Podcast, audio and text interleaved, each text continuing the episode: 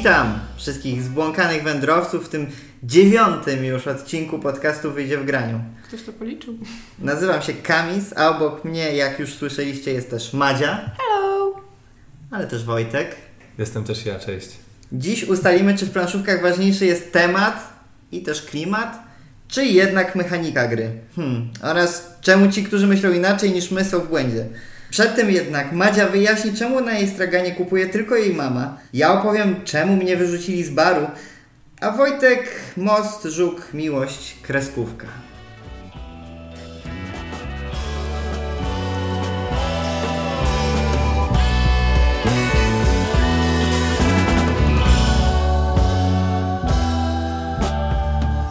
Przed chwilą zagraliśmy w grę Vitala Lacerty i nie tylko, ale ponieważ nazwisko pana Lacerty jest tak znane, że tym drugim autorze każdy zapomina. Y, Julian Pombo? Julian. Dobrze. Brzmi, Julien, Julien. brzmi, Tak, ale brzmi y, jak dla tych, co nie wiedzą, jakby y, pan Lacerta słynie z tego, że jego gry są takie mega wypasione, są wielkie, zajmują wam połowę półki na szafce. W żadną z tych gier nie graliśmy. Graliśmy w taką małą wersję Mercado de Lisboa. Małą grę jak na jego, bo nie ma Tak. większej wersji Mercado de Lisboa. Nie, ale Mercado de Lisboa jest y, fragmentem mechaniki z gry Lisboa. Aha. To jest jedna mechanika jakby wyjęta, no tam chyba one są troszeczkę zmienione. Nie wiem, bo w Lizboę nie grałam, więc szczegółów Wam nie powiem. No ale graliśmy w tą małą grę e, pana Lacerdy. O czym jest gra? Więc jesteśmy na targu w Lizbonie i będziemy tam otwierać swoje stoiska. Gra jest bardzo prosta, bo mamy taki jakby kwadrat właśnie tego targu. Na jego planie będziemy te stoiska sobie otwierać. Do nas będą przychodzić klienci, będą od nas kupować. E, No i chodzi o to, żeby na koniec gry mieć jak najwięcej pieniędzy. I ten, kto ma najwięcej, wygrywa. I tak naprawdę decyzja w mojej turze się opiera na tym, czy mam otworzyć stoisko i gdzie, czy mam położyć klientów, ich przywołać do siebie, no i gdzie, bo klienci będą w rzędzie albo kolumnie i oni cały czas tam krążą. I z każdego stoiska, które będzie miało towar, który oni będą chcieli kupić, to będą tam chodzić i z każdego stoiska to kupią. No i to jest tyle decyzji, a okazuje się, że w tej grze nagle zaczynamy główkować. Początek jest dosyć prosty, taki nie wiadomo co zrobić. Trochę gramy na oślep, ale w praktyce bardzo ciężko jest tam wykonać jakiś ruch, który y, da duży zysk dla mnie, ale nie za duży dla moich przeciwników, nie? Mhm. Ja się w ogóle zastanawiam nad tym, jak opowiadałaś y, o tym, na czym polega gra, to powiedziałeś, że jest targ, są klienci i tak dalej i to prawda, ale jak tak chwilę pograłem w tą grę, to miałem takie przerośnięte kółko i krzyżyk. Z kółkiem i krzyżyk mi się nie skojarzyło, ale rzeczywiście no jakby temat jest sobie obok, a to jest taka łamigłówka. Tak naprawdę to jest bardziej rozbudowana gra, tylko też masz coś takiego, że szukasz miejsca, gdzie się wpasować, dlatego mi się skojarzyło i też. No. funkcjonujesz na takiej siatce, tak? Okej, trochę jak statki. Może trochę Tak jak statki. Ja nie pamiętam teraz, e, może mi ci przypomniecie, co jest kwadrat 5 na 5 czy 6 na 6 Chyba 6 na 6. Bardzo możliwe, ale to właśnie warto pokazać, że to nie jest tak jak e, kółko i krzyżyk w sobie od razu możesz pomyśleć, że jest e, tam Trzy 4, na 3 na 3, 4 na 4 i jest koniec Dlatego gry. powiedziałem przerośnięte. Tak, jest to Mhm. przerośnięte, ale no trochę, trochę jest to taki e, labirynt pełen rarytasów, gdzie wchodzą zagubieni ludzie i potem latają od sklepu do sklepu i próbują tak naprawdę kupić wszystko, co jest i wykupić wszystko, co Tak. jest. Tak, to jest bardzo śmieszne, że kiedy jakiś klient musi kupić rybę, to nie idzie do jednego stoiska i nie kupuje tam tyle ryby, ile potrzebuje, tylko y, idzie w danym rzędzie i kupuje z każdego stoiska tą rybę, bo w sumie to nie wie, którą ma kupić, więc kupi każdą, nie? Więc to jest takie, o, tu się kręci jakiś klient, to ja tu otworzę stoisko specjalnie dla niego.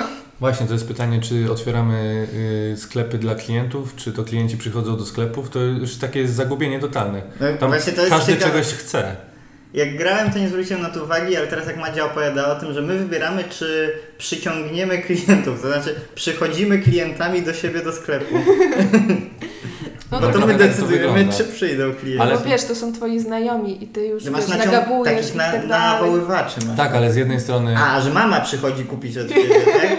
z jednej strony my stawiamy stoiska, e, Potem dostawiamy sklepy i restauracje. No, Tak, bo jeszcze o tym wspomniałam, że restauracje, jeżeli moje stoisko stoi obok restauracji, która pasuje do tego typu, to mm, jakby towar na moim stoisku jest więcej warty. Myślę, że fabularnie może ta restauracja po prostu ode mnie wykupuje to, co oni Mhm. sprzedają, nie? Czyli jak, jakby właśnie do czego zmierzam, że my stawiamy stoiska, potem my stawiamy restauracje, a potem my każemy klientom iść po to, co my chcemy, do sklepów, do których my chcemy. Czyli A jesteśmy oni kupują na takimi, straganie, przynoszą do restauracji, my im gotujemy i płacą za to drugi raz. jesteśmy takimi bożkami warzywnymi. Nie, no to prawda. Ta gra jest e, dość abstrakcyjna w mechanice, to znaczy, no tak jak mówiłem, można o niej myśleć w taki bardzo matematyczny sposób, Mhm. ale mi się bardzo podobały grafiki i połowa satysfakcji płynącej z gry to było patrzenie na te pomidorki, na to wszystko bardzo ładnie jest to narysowane. Ja lubię taki styl. To jest taki klasyczny styl prawie, że takiej niemieckiej gry planszowej. Prawie, no jest bardzo blisko, Blisko. tak już jest na krawędzi. To jest taka gra, że w sklepie, e, tak naprawdę gdyby nie nazwisko na okładce, to bym pewnie nigdy po nią nie sięgnęła. No właśnie. Bo, bo jak stoi, ci stanie na sklepie w półce, to raczej e, przelecisz po niej wzrokiem i się zatrzymasz na czymś innym, tak mi się wydaje. Bo to jest tak, rzeczywiście to jest taki styl, który trochę się nie wyróżnia na tle innych gier, bo jest po prostu dużo takich gier, ale mimo wszystko on jest taki przyjazny. W sensie tak domowo się czuję, jak gram w takie gry, które mają taką e, oprawę wizualną właśnie jak każda niemiecka gra z ostatnich 100 lat. nie no, ale przyjemna oprawa moim zdaniem. Jest trochę jednak bardziej taka wyraźna i kolorowa niż większość Tak, no to nie są grafiki Clemensa Franza, to jest właśnie chyba najsłynniejszy właśnie grafik planszówkowy niemiecki. Jest bardzo kolorowa, ale też kolory są bardzo pastelowe, więc to nie, nie jest w ogóle kolorystyka skrzykliwa, tylko wszystko jest e, takie prawie już wyblakłe. Ale e, jeszcze a propos kolorów, jak już mówię, to jedyne co mi przeszkadzało, to że kolory mm, gracza są bardzo zbliżone do kolorów pozostałych, co, co się znajdują na planszy i na przykład ja miałem z tym problem, bo położyłem e, w pierwszej turze winogrona i mi się od razu skojarzyło, że jak kładę winogrona fioletowe, to pewnie ja jestem fioletowy, a się potem okazało, podświadomie że... nawet. Tak, myśleć. Tak, ja miałem z tyłu głowy, że w pierwszym ruchu zrobiłem coś fioletowego i w następnej turze y, zrobiłem głupotę, bo zagrałem pod kolor gracza fioletowego, a ja byłem graczem zielonym. Więc, więc tak tu mi było. trochę... Jeszcze potem dzisiaj chyba myliło. Tak, trochę, czas. tak, że Tak, potem powtarzałem sobie czas zielony, właśnie. zielony, zielony. Jestem zielony. Tak, więc y, to z, z minusów tej kolorystyki, że jednak ja bym przynajmniej troszeczkę mm, y, rozróżnił kolory, te co się znajdują na planszy, a kolor gracza, pod tym właśnie, żeby się nie pomylić. W tej grze to jest jeszcze szczególnie istotne, Znaczy, bo... Do tej pory nie zauważyłam problemu tego, żeby ktoś się mylił poza Wojtkiem. Ale ja jestem od tego, żeby te Ale problemy tak- wykazać. Okej, może ale być. nawet jak inni się nie liczą, to Wojtek ma tutaj moim zdaniem ciekawe spostrzeżenie, bo w tej grze to jest szczególnie istotne, bo operujesz na tej siatce i jak kolory graczy są trochę zbliżone na planszy, to się bardziej zlewa. Ja pierwszy raz grałem, ale ja miałem poczucie, że na początku jakby jeszcze byłem taki nieświadomy tego, w co wchodzę i takie, o fajnie, tu postawię stragan, tu mogę postawić stragan, tu sobie postawię coś, nie ma znaczenia, w sensie jest tyle miejsca, mogę Tak, zrobić co się chcę. wydaje, a właśnie ta gra jest bardzo szybka i to jest takie, okej, to ja już sobie rozłożyłam jakby y, moją planszę, pod którą teraz, okej, jak tutaj już kombinować, co ja teraz mam zrobić, a tu się okazuje, że nie, że jest koniec gry. Że trzeba myśleć od samego początku, a nie się zatrzymać nagle w pewnym momencie, bo ja szczególnie pierwsze rozgrywki, to mieliśmy coś takiego, że gramy i takie nagle, ej, ale gra się skończyła dwie tury temu. Nie, że, że to nie jest... taki- Przegapiliście Tak, to, że- przegapiliśmy moment, kiedy się gra kończy. i Bo tak tam masz, zaraz, moment. jak ileś straganów zostanie do dołożenia, to wtedy pustych tak. pól na Cztery stragany. I można to przegapić, no. No. I powiem szczerze, pierwszą rozgrywkę mieliśmy taką rozczarowującą troszeczkę. Jak usiedliśmy do takiego, że takie. No naprawdę, ta gra była taka dosyć prosta, dosyć lekka, szybka, w sumie skończyła się zanim się dobrze zaczęła. I to jest dla mnie właśnie przykład gry, której nie należy oceniać po pierwszej rozgrywce.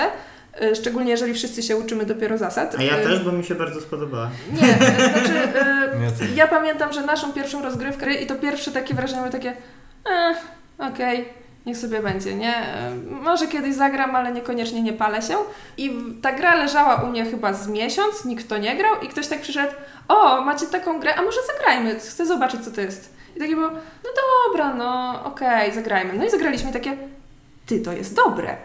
Ta gra jest naprawdę dobra, że tutaj jest taka rzeczywiście łamigłówka, trzeba kombinować i y, no, cały czas się muszę na tym skupiać, a nie właśnie to, co mieliśmy za pierwszym razem, gdzie Chyba my trochę za późno zaczęliśmy myśleć nad swoją strategią i może to było takie rozczarowujące. Rozgrywka się zaczyna na samym początku, a nie jakby w trakcie.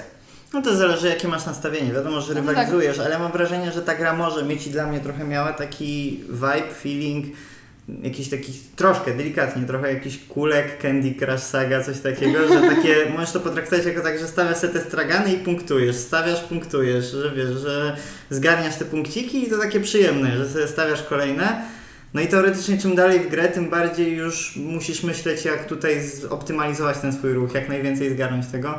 I miałem wrażenie właśnie już pod koniec gry, że już troszkę było przeciążające, przynajmniej dla mnie przy tej pierwszej rozgrywce, Mhm. że już, za, zwłaszcza jak się jest blisko końca i zostaje te cztery, to tak jak nawet wspominaliśmy skończyć. o tym, że każdy już zaczyna liczyć, czy mi się opłaca teraz skończyć, już dołożyć, a i dać jeszcze po jednym ruchu kolejnym osobom, Mhm. czy opłaca mi się jeszcze klientów dołożyć i to sprawia, że czym bliżej końca gry, tym ludzie myślą dłużej nad swoim ruchem i jest taki No koniec tak, to może trochę nie do końca satysfakcjonujący, przynajmniej przy tej jednej rozgrywce, którą Mhm. miałem, że ten koniec jest taki trochę mm, wyciągnięty, że o jeszcze tu musimy dociągnąć. Ale i- Tak, ale Też jak, zbyt no. bardzo wymuszony jest ten koniec, bo rzeczywiście to, ja chciałem powiedzieć to, to, co ty już wspomniałeś, że pierwsze ruchy idą bardzo gładko, bardzo szybko i im więcej się dzieje na planszy, tym zaczynasz coraz więcej myśleć, właśnie się coraz bardziej wkręcasz w tą grę i nagle ktoś ci mówi koniec nara, tak naprawdę, Mhm. że kończymy grę dopiero w momencie, kiedy zaczynasz rzeczywiście kombinować, myśleć i widzisz, jak możesz jeszcze zdobyć te punkty. Mhm. I nie ma takiego jakby, że przez całą grę nie możesz przewidzieć tego końca, że nie wiesz tak naprawdę kiedy się że ten kończy koniec... się za szybko. Trochę Jednocześnie takiego- kończy się za szybko, ale jeszcze dostajesz taką porcję gry, która nie do końca jest taka jak ta wcześniejsza Mhm. porcja, bo musisz bardziej myśleć o innych rzeczach, bo w sensie, że zaczynasz Mhm. bardzo tak optymalizacyjnie działać. Znaczy, ja chcę tu troszeczkę sprostować, y, no bo chłopaki grali pierwszy raz i ja powiem, że my wyjątkowo przeciągnęliśmy ten koniec jeszcze, że takie było, okej, jak teraz ktoś postawi stoisko na planszy, to będzie koniec gry. I każdy już miał takie, dobra, to teraz klientów przywołać, bo bardzo mało klientów przywołaliśmy w trakcie rozgrywki i nikt tej gry nie chciał za bardzo skończyć. Ale miałam też sytuację, gdzie ten koniec gry był taki mniej jakby wymuszony. Mi się skojarzyło z y, Ale grą... rzeczywiście jest trochę coś takiego, że ma się poczucie, że chciałabym, żeby ta gra jeszcze tak z dwie tury potrwała, nie? Yy, może nie tak jak dzisiaj normalnie, ale zawsze jest to trochę takie, że wow, już się kończy. Rzeczywiście Mnie ta coś takiego. końcówka się skojarzyła z tą y, grą pociągi. Pociągi... Wsiąść do pociągu? Wsiąść do, wsiąść do pociągu. Myślę, że Tam to jest- jest miasteczka. Tam nie, tam jest taka zasada, że jak komuś pozostaną dwa wagony lub mniej, to też jakby idzie runda do końca, jest koniec gry. Tak, i zawsze I też tam jest to też nagle. y, wszyscy w pewnym momencie już tylko patrzą, komu jeszcze ile zostało, komu jeszcze ile zostało i tak naprawdę ja wolę gry, gdzie mam jasny cel i też wiem, że ta gra się skończy, kiedy się skończy, Że jest nie... takie jednostkowe wydarzenie, kiedy Że się mamy kończy, cztery że nie, tury. tak, nie tak, tak na przykład że są cztery tury, albo że na przykład, że e, wspólnie, nie wiem, trzeba wykorzystać wszystkie te kwadraciki do układania na przykład jak Carcassonne czy, czy coś w tym stylu, a nie ma, żeby tak, że, bo tak jak mówimy, ostatnie cztery rundy to tak A, naprawdę... że koniec zależy od tak, mogliśmy gracza. czekać i czekać i do końca nie wiesz, czy to już się skończy, No czy jest- jeszcze musisz o czymś myśleć, czy, czy nie i tak przeciąga się to tak jak trochę Bo to jest jakby takie trochę przeciw y, celowi gry, jeśli graczowi się opłaca przeciągać sztucznie grę. Mhm. No ale ogólnie mimo tego tutaj małego narzekania ja miałem po pierwszej rozgrywce bardzo pozytywne doświadczenie i, i bardzo chętnie, bardzo naprawdę chciałbym jeszcze zagrać kiedyś to drugi raz I ja też bardzo chętnie, więc przyniosę. po nie pierwszej rozgrywce. tak. Ja też, też, też zdecydowanie zagrałbym jeszcze raz. No ja mam trochę wrażenie, że ta gra przy kolejnych rozgrywkach zyskuje jeszcze dodatkowo. Nie hypuj, nie hypuj. Okej, przepraszam. Ale bez przesady, nie? To taka... Spróbujcie. No dobrze, ale tutaj z lizbońskiego marketu przeniesiemy się teraz na dziki, dziki zachód i będzie prawdziwa strzelanina. I to dosłownie, bo będziemy rozmawiać o Flick 'em Up, czyli grze, która polega na pstrykaniu i przesuwaniu w ten sposób kowbojów oraz strzelaniu tymi kowbojami. I w ten sposób rozstrzygamy różne scenariusze. Zawsze są dwie drużyny, składające się z pięciu kowbojów. Ci kowboje mogą obrywać, mogą ranić, mogą podnosić różne przedmioty, mogą się przemieszczać, robić różne specjalne zadania zależnie od scenariusza. I w ten sposób mija czas na ratuszu. Każda runda to jest jedna godzina i w samo południe gra się kończy. Tak się składa, że każdy z nas, każde z nas tutaj grało w tą grę już przynajmniej raz. Mhm. Możecie się podzielić swoimi wrażeniami. Jest super! Bo można strzelać do innych. Tak, mi też się podoba, bo to rzeczywiście troszeczkę wychodzi poza takie typowe gry planszowe. Tak, no. To jest bardziej zabawa. To jest bardziej zabawa i też nie ogranicza się tak naprawdę wielkością. Albo możesz grać na stole, a możesz zagrać na podłodze w dużo większymi odległościami między sobą. Nawet czym większe, tym lepiej Tak, więc, więc to na pewno jest gra, która wychodzi poza te ramówki, jakieś tam planszy i grasz to, co chcesz grać. Dla tych, co nie wiedzą, no ogólnie mamy gang Coopera i gang szeryfa i po prostu mamy różne misje i się będziemy ganiać po planszy i bardzo często będziemy do siebie strzelać, a strzelać będziemy pstrykając po prostu takimi kapslami w nasze pionki. Każda tak ściśle rzecz biorąc, to tak naprawdę tam właśnie, żeby ograniczyć siłę strzału, nie można pstrykać, bo pstryknięcie to jest, jak Znaczy, się zapierasz, pstrykamy bez zaparcia. pchnięcia, jak No tak, tak, tak, tak, tak, Troszeczkę ale tak. jakby są... Chyba w niektórych grach pstrykających też jest właśnie mowa o tym, że nie można zapierać palca, ale to się chyba dalej nazywa jako stryknięcie kapsla. No wiem, ale zmierzałem do tego, że to jest bardzo dobra decyzja, bo dzięki temu jest potrzebne trochę więcej umiejętności, troszkę więcej precyzji i nie jest tak łatwo mocno strzelić. I to jest dobre, bo inaczej to by zaraz wszystko latało na wszystkie Ojej, strony, tak. a w ten sposób gra staje się trochę taktyczna. I ja mam wrażenie, że jest tu sporo klimatu, o którym jeszcze zaraz też pewnie coś powiemy, ale ta gra jak na grę zręcznościową, jak na grę, którą mówimy, słuchajcie, będziemy tutaj pstrykać kowbojami, rzucać rzeczami i tak dalej, jest to naprawdę bardzo taktyczna gra. W sensie bardzo zaczynasz myśleć o takich drobnych rzeczach, jak Tak, więcej bo- pograsz, czy schowasz się za beczką, czy uda Ci się wejść do budynku i coś tam móc pojedynek jakiś Mhm. stoczyć. Tak, bo jest też dużo elementów krajobrazu, które nam będą przeszkadzać w przemieszczaniu się. Żeby gdzieś pójść na inne pole, też musimy się pstryknąć y, jak najdalej. Y, Znaczy jak najdalej. Nie Pstryknąć się dotknąć niczego. Jak Właśnie. się ruszasz, nie możesz niczego dotknąć przy pstrykaniu. Ale to jest fajne, że y, ruch to jest też pstryknięcie swojego pionka. Takiego zastępczego pionka Tak, do, do y, poruszania. żeton do pstrykania. I nie mogę go pstryknąć za mocno, nie mogę go pstryknąć za lekko. On musi się trafić w tym miejscu, żebym ja miała czysty strzał na kogoś. Żeby mi nie przeszkadzała żadna belka, żadna y, beczka, żaden kaktus. Nie? Coś tak, bo tam Mhm. jest też dużo elementów plastikowych, które nam będą przeszkadzać w Mhm. tym I jeszcze Ci się tu wtrącę, że też ciekawe jest to, że jakby jak się poruszasz, to właśnie nie możesz niczego dotknąć, ale jak strzelasz, to to co strzelisz to jest ok i się przesunie, to zostaje w nowym miejscu. I to sprawia, że w sumie masz trochę, niby robisz to samo, że mówisz komuś, że i przemieszczasz się pstrykając i strzelasz pstrykając, ale tak naprawdę prowadzisz na przykład trochę dwie różne gry, bo jak się przemieszczasz, to masz właśnie taki trochę carling, że próbujesz tak precyzyjnie tutaj ten, tak pyk i żeby nic za daleko nie poleciało, wstrzelić się w jakąś dziurę, jakąś szparę, zatrzymać w miejscu, a potem przychodzi strzelanie i po prostu zwykle się opłaca, czym mocniej, tym lepiej. Po prostu czym walej, większą rozwałkę zrobisz, tym lepiej. Tak, bo musisz przewalić pionek przeciwnika, lekkim strzałem no nie zawsze też to uda, uda tak? Mm. A czasem my też graliśmy taką partię, że nie chcesz tylko strzelić, żeby przewrócić pionek przeciwnika, ale jeszcze, żeby on się przewracając, jeszcze się przesunął gdzieś dalej, bo on ci przeszkadza w tym miejscu, w którym on w tym momencie stoi. I chcesz, żeby on gdzieś poleciał, więc wtedy no, musisz jeszcze mocniej pstryknąć. Tak, graliśmy scenariusz, gdzie próbowaliśmy zatruć wodę w beczkach i chcieliśmy na przykład pstryknąć, żeby oddalić też od beczki, żeby Mhm. jak najtrudniej mu było podejść. Więc też takie są sytuacje. No i gra moim zdaniem jest bardzo klimatyczna, zwłaszcza jeszcze ja lubię puścić w tle i myślę, że to nie powinno się inaczej muzykę Mhm. jakąś Ennio Morricone czy, czy spaghetti western i naprawdę łatwo się tu wczuć, bo to, ten klimat i ta mechanika one idealnie do siebie pasują. Tak, szczególnie kiedy celujesz, przychylasz się do stołu, patrzysz i nagle ma, obraz robi ci się zupełnie inny, kiedy masz wzrok na poziomie stołu, bo patrzysz, czy tym żetonikiem trafisz. I ja już z muzyką czuję się totalnie jak w westernie, jakbym rzeczywiście... Jeszcze te ludki tak stoją z rozstawionymi nogami. Tak, one rzeczywiście wyglądają jak taki cowboy, który się szykuje tylko na punkt 12, żeby strzelić.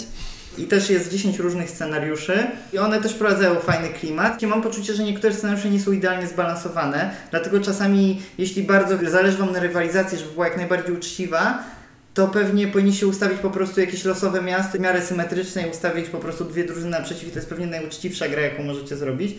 Tylko Ale- z drugiej strony y, to jest gra w strykanie kapslami. Naprawdę musimy mieć super zbalansowaną grę. To zależy, bo niektóre scenariusze można mieć poczucie i pewnie wiesz, zagrałem kilkanaście, może na, nawet więcej razy, ale nie zagrałem tyle razy, żeby ocenić naprawdę, jak każdy scenariusz jest zbalansowany. Ale są scenariusze, w których można mieć bardzo wyraźne poczucie, że jedna z drużyn miała naprawdę, naprawdę ciężko, w sensie, że musiała naprawdę idealnie wszystko zrobić, żeby w ogóle ich cel był możliwy do zrealizowania. Ale mimo wszystko te scenariusze są warte sprawdzenia, bo dodają dużo klimatu. Tak jak dzisiaj myślimy, że jakieś beczki nagle musisz oczyszczać z, z brudnej wody, albo że musisz jakieś porwanie zrobić. No i to jest często ciekawsze dużo. Nadaje jeszcze bardziej podbija ten klimat i pokazuje, jak wiele można zrobić z takimi po prostu elementami, że tutaj czujemy, że się dzieje jakaś akcja. Tak, no bardzo czuć ten klimat Ja też tak myślę, ale na przykład ostatnio graliśmy zupełnie bez scenariusza i wymyśliliśmy po prostu zwykły deathmatch. E, rozstawiliśmy planszę tak, jak my chcieliśmy i też można się nieźle pobawić.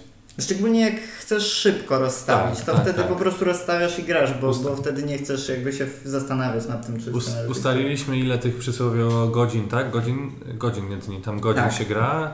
E, czyli tak naprawdę całą grę zrobiliśmy pod to, ile mamy czasu i ile mamy chęci w nią zagrać, bo mogliśmy zagrać dwie godziny, a mogliśmy zagrać 4 czy 10 godzin i samemu... Jedna godzina to jedna runda, czyli, Tak, jedna godzina to jedna runda, czyli mogliśmy czyli sami sobie ustalić tak naprawdę na ile mamy ochoty i na ile mamy czasu i też naprawdę fajnie można zagrać. Mhm, mhm.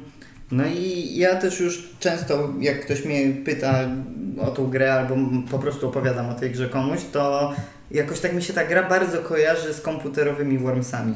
W sensie teoretycznie jest zupełnie inny klimat, inny świat, ale jakoś dla mnie to są Worms the Board Game. Może dlatego, że No są też te kapelusze i zawsze inny cowboy się rusza na przemian z każdej drużyny, tak Mhm. jak w Wormsach, bo tam są takie kapelusze, które obracasz na czerwoną albo niebieską stronę, zależnie czy się ruszył i w nowej godzinie ci się odświeża jakby ten kolor.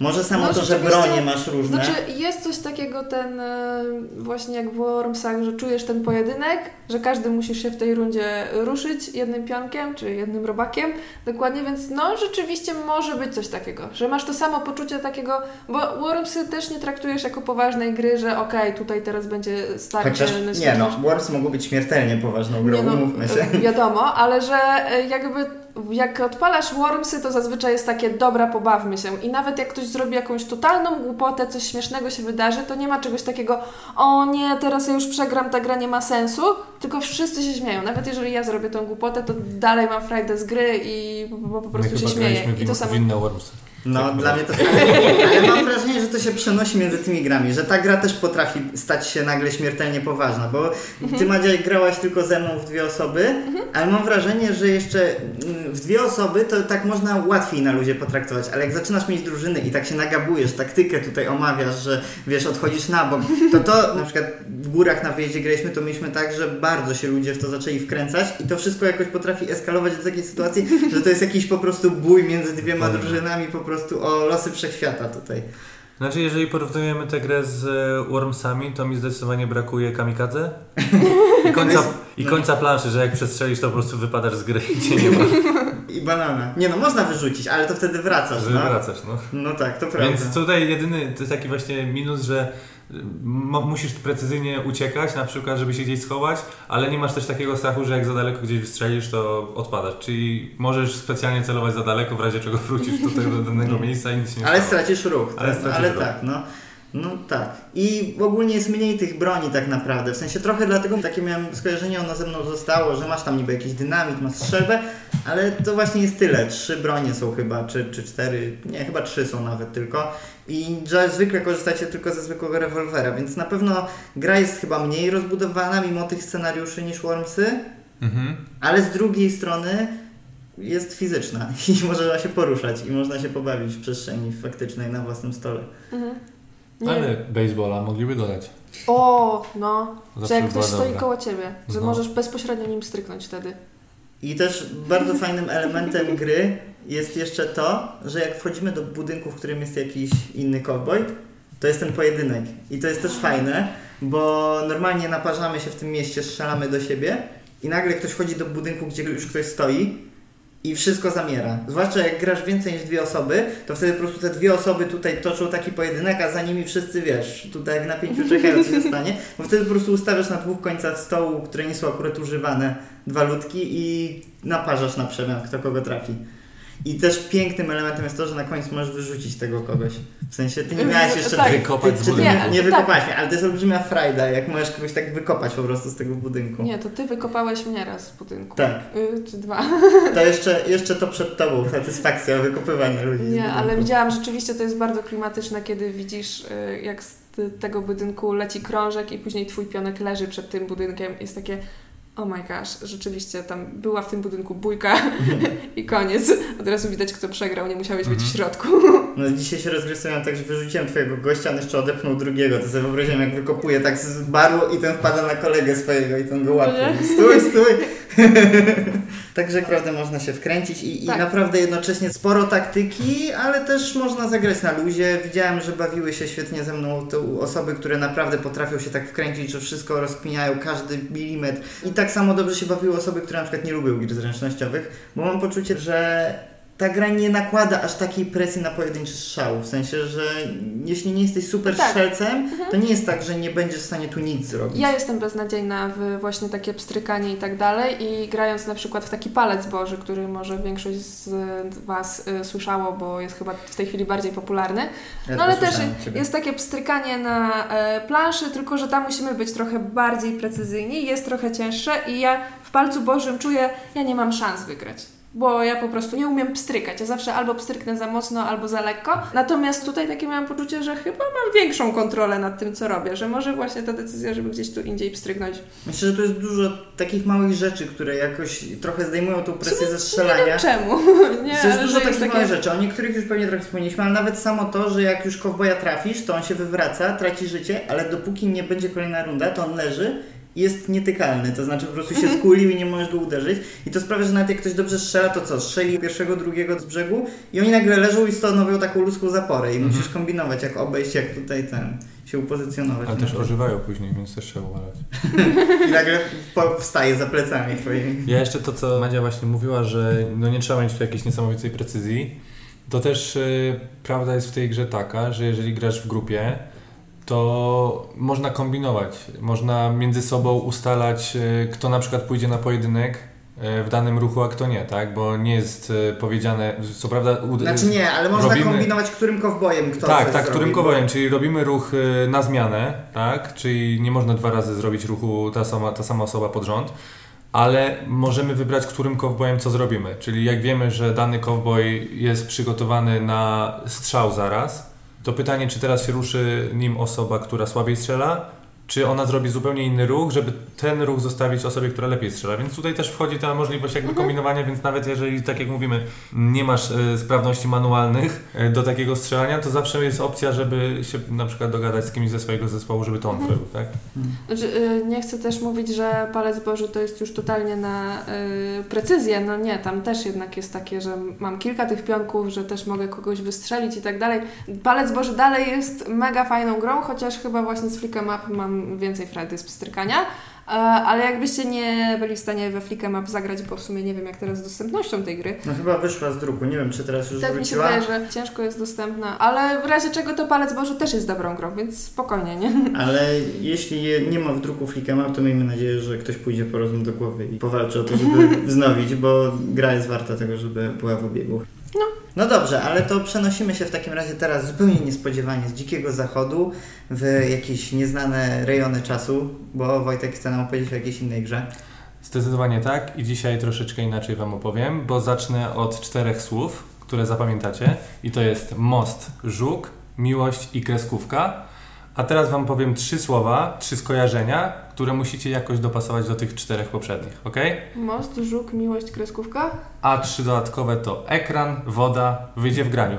Zróbcie to wspólnie, pogadajcie, co Wam się kojarzy z czym.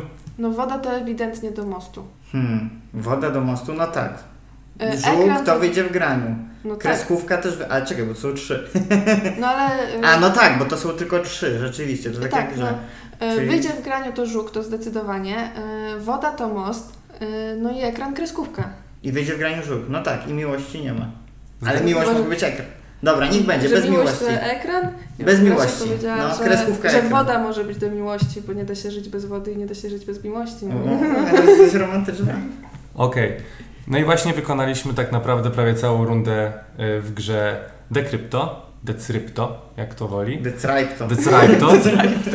Teraz już E, będę tak mówić. Ponieważ, y, ponieważ jest to gra polegająca na kodowaniu i odkodowywaniu szyfrów y, za pomocą skojarzeń.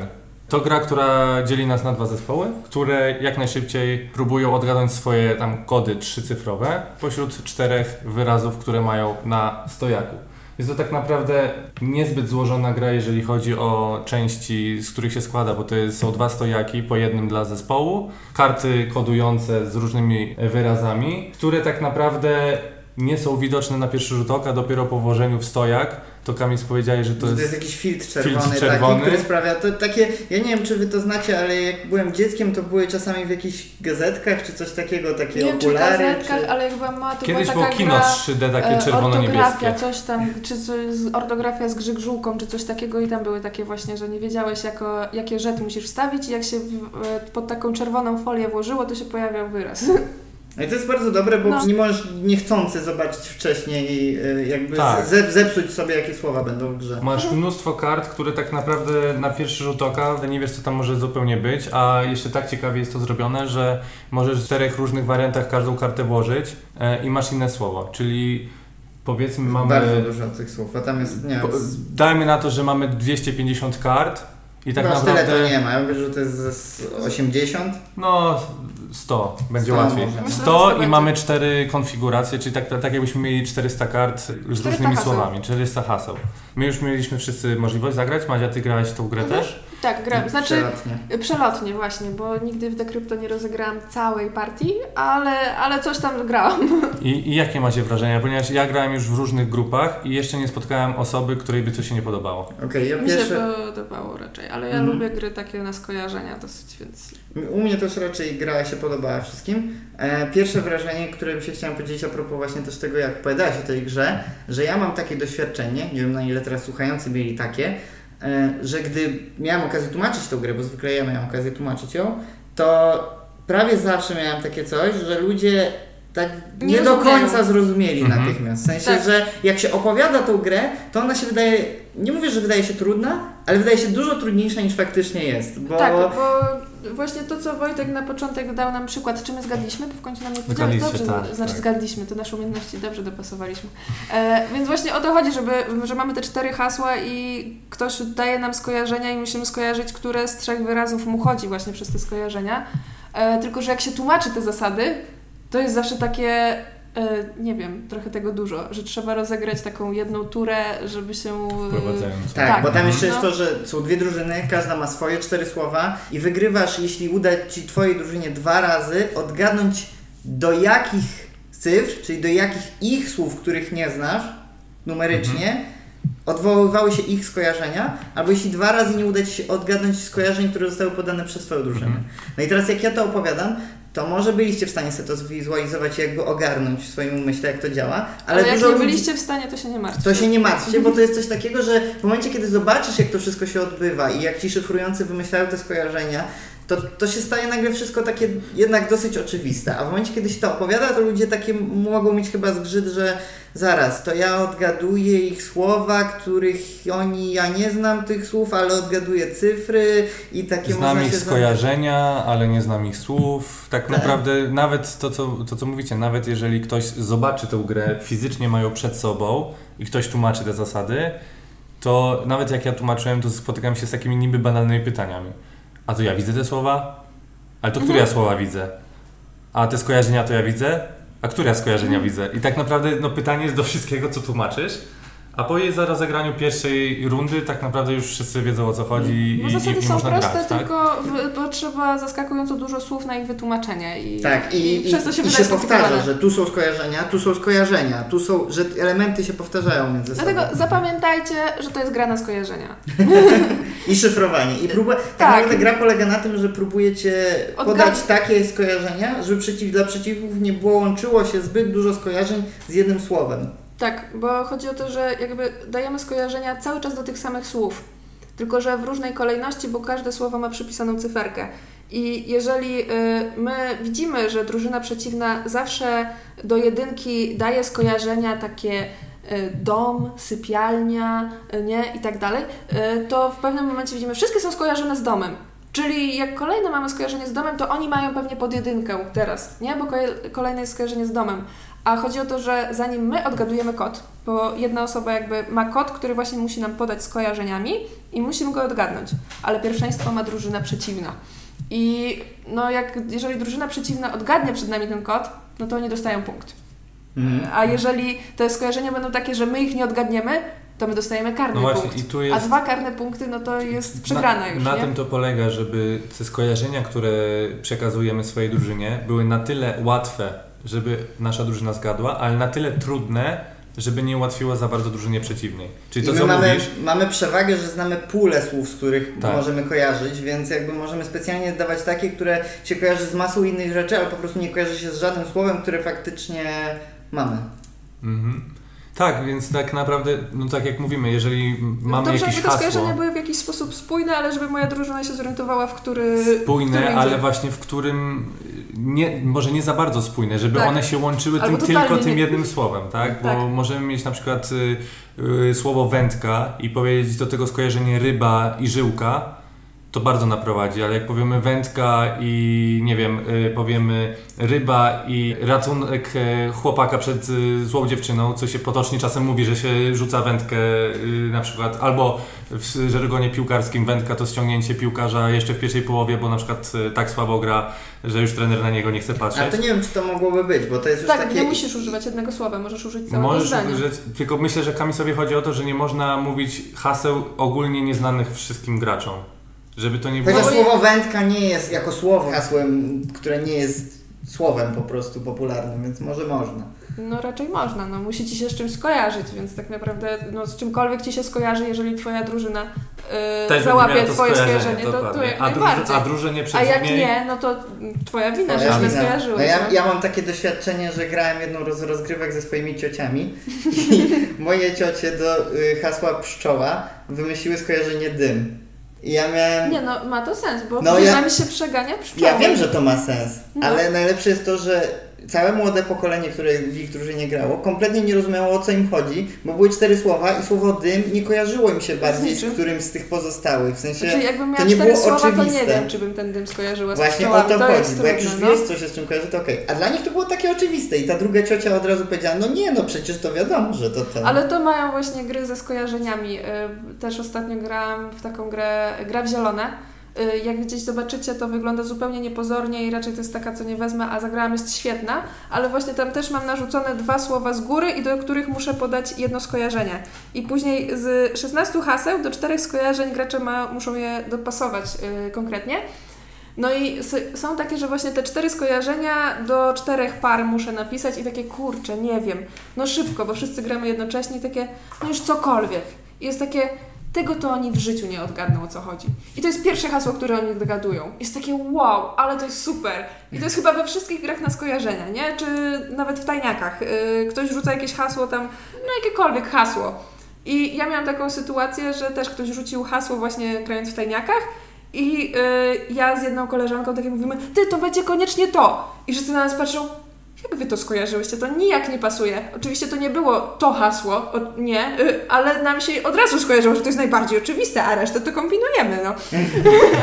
ale no, to, No bo każdy ma jakieś swoje doświadczenia i tak jak na przykład wyobrażam sobie, że te, właśnie w doświadczenie i skojarzenie tej osoby też, to nie tylko swoje. możliwe, że te ciocie albo wychowywały się w czasach też, kiedy to było bardziej jakby bezpośrednie skojarzenie, bo tam może im się dym nie kojarzy z jakimś innym słowem, które się innym bardziej kojarzyło z tym, a może po prostu miały też swoje prywatne doświadczenia, że się z tym stykały, nie wiesz tego, ale to nie tak samo yy, ja miałem kiedyś stadion i zrobiłem piractwo, no i dla mnie to było oczywiste, że chodzi o stadion dziesięciolecia. I to było też oczywiste dla yy, mojej siostry, która była w przeciwnej drużynie, ale to nie było oczywiste dla nikogo z mojej drużyny, jak się okazało.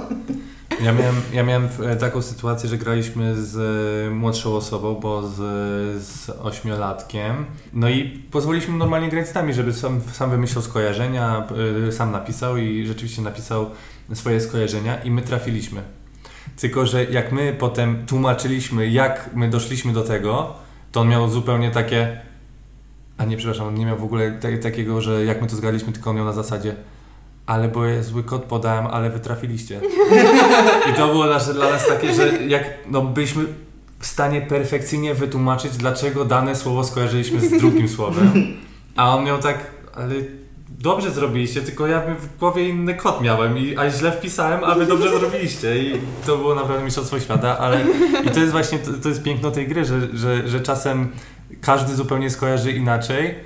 I teraz weź tu traf e, jeszcze idealnie, tak? Znaczy ja chciałam powiedzieć, że właśnie w takich grach na skojarzenia najgorsze jest, kiedy widzisz skojarzenie, które wiesz, że odgadnie osoba z drużyny przeciwnej. A z twojej drużyny to nikt. I takie, no kurczę, no dlaczego? Ale ta gra też się wyróżnia na tle innych gier typu skojarzenia, dlatego że bardzo dużo zależy od pozostałych słów. Jest tu Mhm. taki aspekt taktyczny, który Tak, widzisz jest dopiero jak bardziej trochę więcej. gamerska w porównaniu niż imprezowa.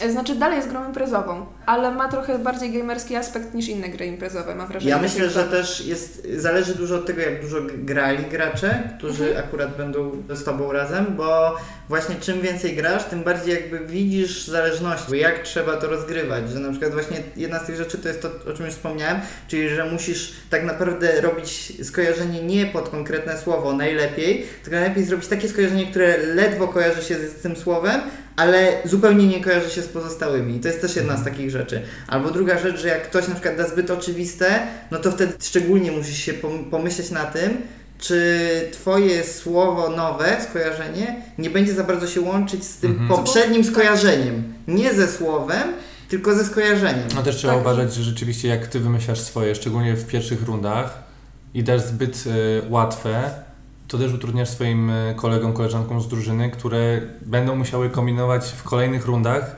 żeby jeszcze bardziej nie podpowiedzieć e, danego słowa. No tak jak masz na przykład nie, ryba i powiesz sieć, a potem ktoś powie woda, no to już jesteśmy bardzo blisko tak naprawdę tego hasła, więc no też trzeba pilnować się, żeby ułatwiać naszym, ale żeby też nie utrudnić że kolejnym z naszej drużyny z wymyślaniem tych haseł. No, to prawda. Niby zawsze możesz się trochę ratować, nawet jak masz wrażenie, że przeciwna drużyna zna, bo możesz próbować dać specjalnie takie podpuścić na, na inne, bo wiesz, że, że tutaj, ale tak, no. Trzeba bardzo ostrożnie do tego podchodzić. I dlatego może to być lekko denerwujące, jak gra z kimś, kto gra pierwszy raz i od razu da takie mega oczywiste i masz takie wewnątrz trochę pękasz, bo wiesz, że oni już, że oni już wiedzą. No właśnie, są dwie, dwa rodzaje graczy. Jest jeden taki, który ci pójdzie na łatwiznę, w sensie, że jeszcze nie poznał gry i da bardzo proste, kojarzące No ale jak się. ktoś jeszcze nie poznał gry, no to, to trochę Dokładnie, ciężko od niego ale są też tacy, którzy są zbyt ambitni I jak im, jak im powiesz, że słuchaj, ale musisz powiedzieć takie skojarzenia, żeby były nie, nie na tyle łatwe, żeby drużyna przeciwna szybko zgadła, to oni nagle dowalają, dowalają takie i potem ci opowiadają. Ale pamiętasz jak wtedy, no i to się kojarzy z tym, bo przecież to było wtedy tam. I ty tak masz. Nigdy bym nie skojarzył pizzy ze statkiem. A to dlatego, że jest restauracja, w której No nie, no serwują bo- pizzę i tam jest ta pani, która ma statek na tapecie od swojego telefonu. Dokładnie tak. To jest tak, niektórzy Znaczy, tak... pizza ze statkiem, tak ja mam. No tak, no bo statki są często przerabiane na restauracje i może być pizzeria, no, nad morzem. I ty to podajesz jako oczywiste hasło, już to No tak. ulega. A ja w 94 płynąłem statkiem, na którym była pizza podawana. Więc trzeba uważać. No, niektóre naprawdę y, super. W sensie ta gra na tyle wciąga, że z kim nie zagrasz, to ta gra może być zupełnie inna. Ja tak gadamy, aż mam chęć pograć, no. Kończymy ten podcast, gramy. Zdecydowanie tak. I dużo ludzi też porównuje do tajniaków, a to są jednocześnie, bo się Bo porównuje, ale są skojarzenia. zupełnie różne gry. Tylko Mhm. dlatego, że słowa i dlatego, że trochę imprezowa. To tak No. samo jakby powiedzieć właśnie, że krew zielona, jednym słowem, czy jakieś wszystkie inne gry na skojarzenia, że są takie same. No nie, to jest inna gra. I niby i tu, Możecie mieć dwie. I niby i tu, i tu masz tu drużynę, i tu, i tu podajesz skojarzenie, ale mam wrażenie, że ta gra, tak jak mówiłaś, jest trochę taka bardziej gamerska. Nie powiedziałbym, że ona jest gamerska, No nie, gamerska. nie, nie, ona jest dla każdego. Dalej jest imprezowa. Dalej jest dla każdego, Dla każdego. ale ma mniej taki imprezowy, imprezowy feeling. To tak, znaczy, bo musisz pamiętać całą jakby turę, nie? Że to nie jest takie, że rzucam hasło, skojarzenie i o tym już Tak. zapominamy. w bo tajniaków, no. Bo cały czas gramy na tych samych hasłach. A w tajniakach jest takie trochę, okej, już to odgadliście, wyeliminowaliśmy tę część y, tych oczywistych haseł, nie? I teraz jest łatwiej, bo jest ich mniej, więc możemy na tych trudniejszych. Tutaj jest coraz trudniej. No i w tajniakach prawie zawsze jak gram, to jest właśnie taka sytuacja, że ktoś akurat sobie pójdzie gdzieś, ktoś tu przyjdzie, Mhm. a tutaj jednak musisz cały czas trochę słuchać. W sensie niby trzeba masz być to wypisane, ale tym. to ma znaczenie wszystko. Też nie wiem jak graliście, ale no my zawsze graliśmy tak, że jednak te dwa zespoły były obok siebie, więc też było słychać o czym oni rozmawiają, więc to też trochę naprowadzało, że jak Mhm. podsłuchiwałeś i oni mówili, o patrz, a to pasuje do tego, bo to pasowało też, bo coś tam ten, to już mniej więcej wiesz na przykład po swojej stronie, co dawać, żeby ich naprowadzić albo ich nie naprowadzić, a po ich stronie co oni mniej więcej myślą o danym haśle i jakie może być kolejne, kolejna podpowiedź. Mhm. Bo też może warto wspomnieć o tym, że pierwsze rozgrywki jakie graliśmy, to zauważyliśmy od razu, że jeśli drużyna za bardzo na głos będzie dyskutować i powie, jakie jest ta, której hasła próbujemy odgadnąć, powie, jakie cyfry się kojarzą z jakim skojarzeniem, na głos padnie, to niechcący, Mhm. no to możesz podsłuchać i wpisać do przechwycenia i Mhm. masz właściwie prawie pewne, że, Tak. że przechwycisz. No i wtedy dlatego dawaliśmy tym, co przechwytują, robić ruch pierwszym. Mhm. Ale nie wiem jak ty grałeś, ja później grałem, że jednak równolegle robiliśmy, tylko trzeba powiedzieć obu drużynom, żeby nie mówiły cyfr, tylko żeby pokazywały i wtedy to już Mhm. jest okej. No, to Też też, tak samo te, robię. też odmieniliśmy z tym pokazywaniem, aczkolwiek trafiła nam się jedna osoba, która patrzyła d- dokładnie na palce, gdzie wędrują Ej. po, po tablicy, A to już takie nie fair play. więc to już to, ale no, no, no, no różnie to bywa. No. Ale jeszcze właśnie chciałem, No. przepraszam, że przerwę, cofnąć się do y, porównywania z innymi grami, że troszeczkę, troszeczkę, troszeczkę, podkreślę jeszcze raz, troszeczkę, to jest jak Dixit, gdzie tam rzeczywiście musisz powiedzieć takie skojarzenie, żeby część y, Zgadła, zgadła, a część nie zgadła. No, I to też jest tak. troszeczkę w tym stylu, że musisz tak kombinować, żeby ta twoja część, przysłowiowa twoja część zgadła, a, a drużyna przeciwna nie zgadła. Dixit jest taki bardziej luźny, że nie wiesz jak ci to wyjdzie, a tu możesz jednak bardziej zaplanować Tak. to, kto zgadnie konkretnie, bo ludzie Znaczy, mają Dixita- inne informacje. Dixita też na pewno, jak już grasz dłużej to, to i znasz osoby, z którymi grasz dość dobrze, no to też możesz planować, żeby tylko ta osoba na przykład, że wiesz, że ta osoba akurat to zgadnie, jak to powiesz, tak? No, Nie wiem, ja bardzo dawno nie grałam w Dixita i, i te skojarzenia z Dixitem zawsze miałam takie, taki sobie. Ja myślę, że jest Ale powód to- tego, to- bo w Dixicie jak dłużej pograsz, to zaczynasz się orientować. Kurczę, może zepsuję komuś Dixita teraz, ale że zaczynasz się orientować, że tak naprawdę czym bardziej przypadkowe skojarzenie dasz, tym lepiej. Bo się, Ktoś losowo, trafi. bo się losowo rozłoży po prostu. I że często to jest Może tak. lepsze niż jak próbujesz wymyślić. No Może może tak. zależy w ile osób się też gra, no nie, bo jak grasz w trzy, no to może nie bardzo, ale jak więcej, no to no tak, ktoś trafi. No.